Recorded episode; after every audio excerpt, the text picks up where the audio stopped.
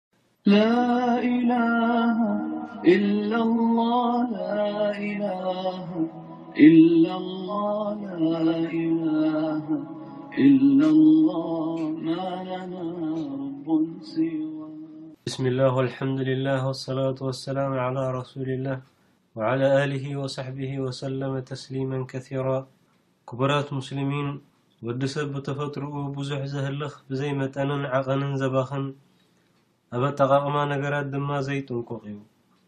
ሃብቲ ረኺቡ እንተ ርሂውዎ ዝብዝር፣ እንተ ረኸበ ድማ ዝዘሩ። ረቢ ሱብሓነሁ ወተዓላ ብዛዕባ ባህርያት ናይ ደቂ ሰባት ኣብ ምብኻንን ዶብ ጥሒስካ ማእከልነት ዘይምሓዝን ኣብ ቁርኣን ክገልጾ እንከሎ፣ ከላ ኢነል ኢንሳነ ለየጥቓ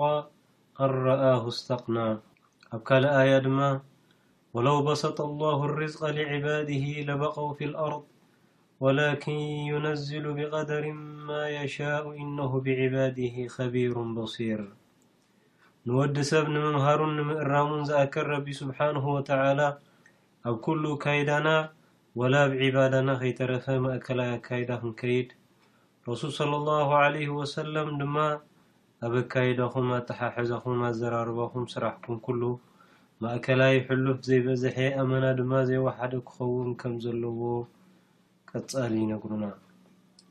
እንተ ምብኻን ወይ ምብዛር ግና ተኸልኪልና ኢና። ወላ ቱስሪፉ ኢነሁ ላ ዩሒቡል ሙስሪፊን። ኣይተባኽኑ ንሱ ኣላህ ሱብሓነሁ ወተዓላ ዘባኽኑ ኣይፈቱን ይብል። እዚ ድማ ኣብ ኩሉ ነገራት ኣባኸንቲ ንኸይንኸውን ዘጠንቅቕ ትእዛዝ እዩ። ወላ እውን ኣብ ክሕደት ምብኻን ኣሎ። ካብ መጠን ንላዕሊ ንነብስኻ ብዘንቢ ኣሊኽካዮ እሞ ናብ ኩፍሪ እንተእቲኻ ንስኻ ኣብ ልዕሊ ነብስኻ ባኺንካ ማለት እዩ። ንፊርዓውን ረቢ ስብሓነሁ ወተዓላ ኣብ ቁርኣን ክገልጾ ከሎ ወኢነ ፊርዓውነ ለዓሊን ፊል ኣርዲ ወኢነሁ ለሚነል ሙስሪፊን እሞ ነዞም ከምዚኦም ዓይነት ሰባት ዓስቦም ንሓዋሩ ብ ሓዊ ጀሃነብ ክነብሩ'ዩ ተባሂሎም ናብ ልቦም እንተዘይተመሊሶም።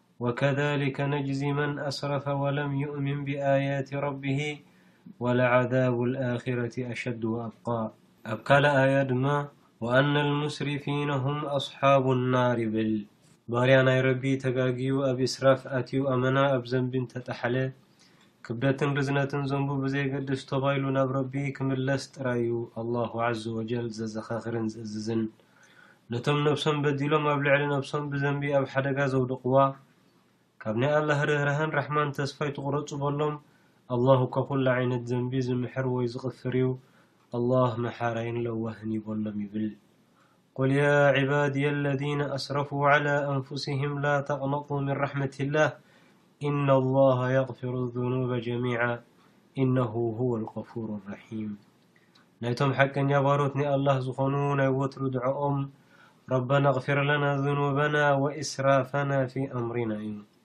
ክቡራት ሙእሚኒን ጉዳይ ምብኻን ኣብ ዘንቢ ጥራይ ኣይተሓጽረን። መግቢ ክትገዝኦ ክትበልዖ ክትድርብዮ ብዘይ ግቡእ ከተባኹኖን ከምዘይብልካ ከይተረፈ ረቢ ሱብሓነሁ ወተዓላ ኣብ ቁርኣን ይኽልክለና።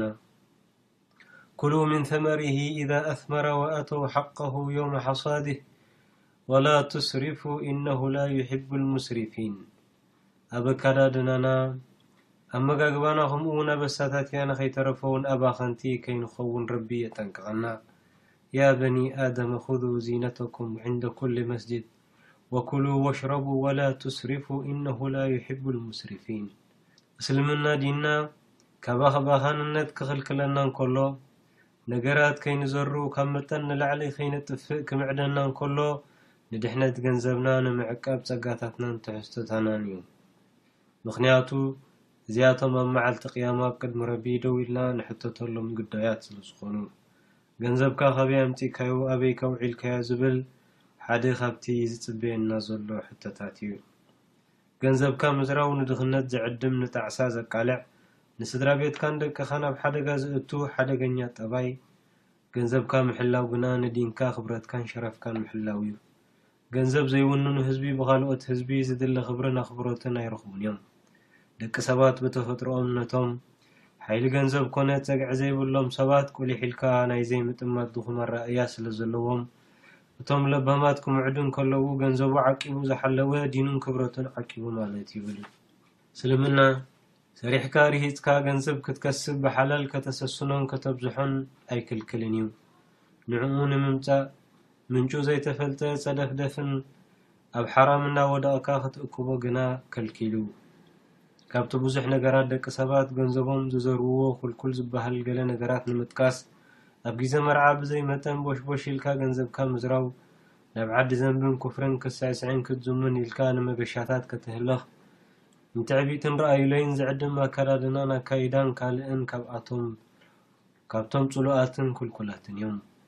ረቢ ንዝሃበካ ኒዕማ ኣክንዲ ምስጋና ናብ ረቢ ኣቕሪብካ ብ ግቡእ ተውዕሎ ኣብ ከምዚ ዝጠቐስናዮም ተጥፍኦ እንተኾንካ ክሕደት ብ ኒዕማ ናይ ረቢ ሱብሓነሁ ወተዓላ ዩ ዝቑጸር ኣብዛ ዓለምና ክንደይ ድዮም ካብ ገዝኦም ተሰዲዶም ብ ጥምየት ከብዶም ምስ ሕቖኦም ተላጊቡ ነዛ መዓልታዊ ሂወት ዝዕንገሉላ ስኢኖም ዘለዉ ብ ቑርን ኣሳሒታን እናተገርፉ ኣብ ጎልጎል ተደርብዮም ዘለዉ ሙስሊሚን የሕዋትና መዓስ ውሑዳት ኮይኖም ንሕና ግና ነዚኦም ረሲዕና ገንዘብ ናብ ዘይከውን ከነባኽን ረቢ ይፈትዎን ጥራይ ዘይኮነ ንመቕጻዕቲ ናይ ረቢ ውን ዝዕድመና ስለ ዝኾነ ሓደራ ንጠንቀቕ ብዙሓት ብጥሜትን ብጽምእን ብቑርን ክግረፉ ከለዉ በዚኦም ዘይምግዳስን ንዕኦም ምርሳዕን ነቲ ረቢ ዝሃበካ ኒዕማ ንኽትሕደግ ምኽንያት ክኾነካ ይኽእል እዩ።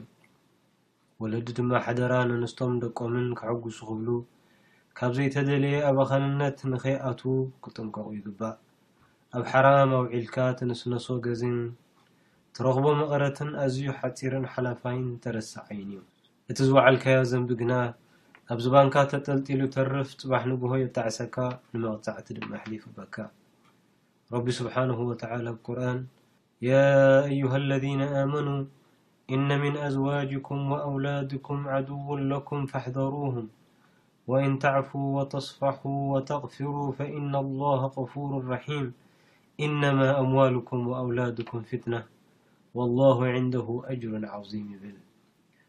እምበኣርከስ ኣካይዳ እስልምና ገዲፍና ብናይ ካልኦት ፍልስፍናን ኣተሓሳስባን ክንከይድ እንተፈቲንና ውጽኢቱ ንዓለምና ክንመስል ክንብል ከይተፈለጠና ምእንቲ ነብስናን ደቅናን ከነሐጉስ ኣብ ሓራጣ ኣብ ከቢድ ልቓሕን ዘይወጽእ ዘንብን ክንወድቕ ክንቅደድ ኢና።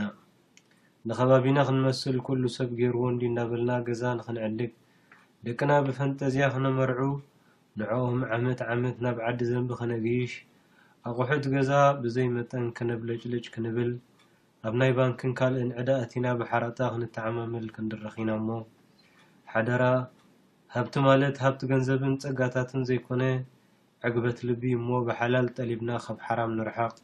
ወሰሉ ወሰልሙ ዓላ ነብይኩም ከማ ኣመረኩም ብዛሊከ ረብኩም